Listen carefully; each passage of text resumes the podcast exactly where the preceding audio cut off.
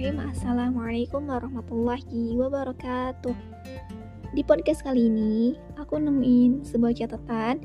Nah, catatan ini tertulis tanggal 5 Februari 2022 Pada hari Sabtu. Aku tulis uh, entah acara apa Cuman ini dari acara kampus yang dibawakan oleh Ustadz Yaman. Judulnya itu tentang menuntut ilmu dan dakwah tidak dapat dipisahkan. Di dalam Quran Surat Al-A'raf ayat 164 dan ayat 165. Kenapa harus berilmu dan berdakwah? Untuk apa kalian berdakwah? Ada tiga kelompok golongan, yaitu yang aktif berdakwah, yang kedua fasib atau yang santai-santai mereka itu paham ilmunya nah yang kedua ini yang fasib tuh tapi bodoh amat gitu buat dia sendiri gitu nggak mau ngetin nah yang ketiga yaitu orang yang zalim golongan yang zalim.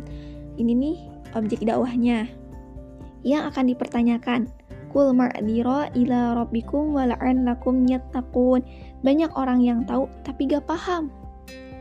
Ilmu itu anugerah dari Allah. Untuk apa gitu kita berilmu?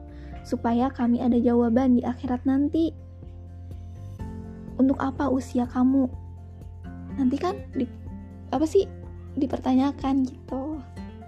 Pemuda yang tumbuh taat kepada Allah, setiap pilihan ada risikonya. Karena kan gak mungkin gitu, dakwah itu pasti ada tantangannya juga, gak gampang gitu. Pasti ada cemoohan, apalagi kita gitu Nabi aja harus dilempar pakai batu dulu berdawanya itu sembunyi-sembunyi lah barulah terang-terangan ada tahapannya. Wala'allakum yatakun harapan dan optimisme. Mereka menjadi orang-orang yang bertakwa. Dakwah itu harapan harapan bagi umat. Untuk kita semua. Nah karena objek dakwahnya itu orang zalim kelompok tiga Nah, proses hasil serahkan pada Allah, usaha pasti akan ada hasilnya. Balasan sesungguhnya di akhirat. Walaupun misalkan banyak rintangannya ataupun banyak halangannya, ya sama aja.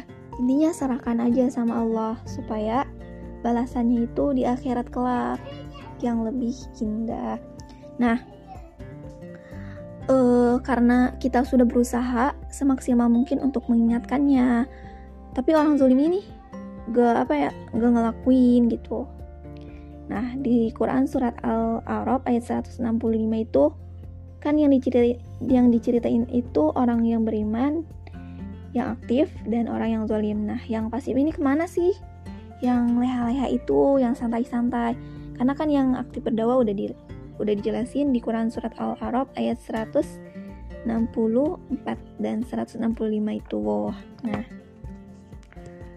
Allah selamatkan yang berdakwah yang pasif itu katanya bukan katanya. Yang pasif lebih dekat dengan neraka. Karena abai. Walaupun mereka punya ilmu. Gitu teman-teman. Setiap mimpi dan cita-cita akan tumbuh dan berkembang. Jangan pernah berhenti bercita-cita dan bermimpi. Karena pasti ada yang melanjutkannya. Dahulukan dakwah intinya. Dengan kabar gembira, jangan bikin mereka lari. Indahnya Islam itu mencerahkan dan menyenangkan dan mententukan.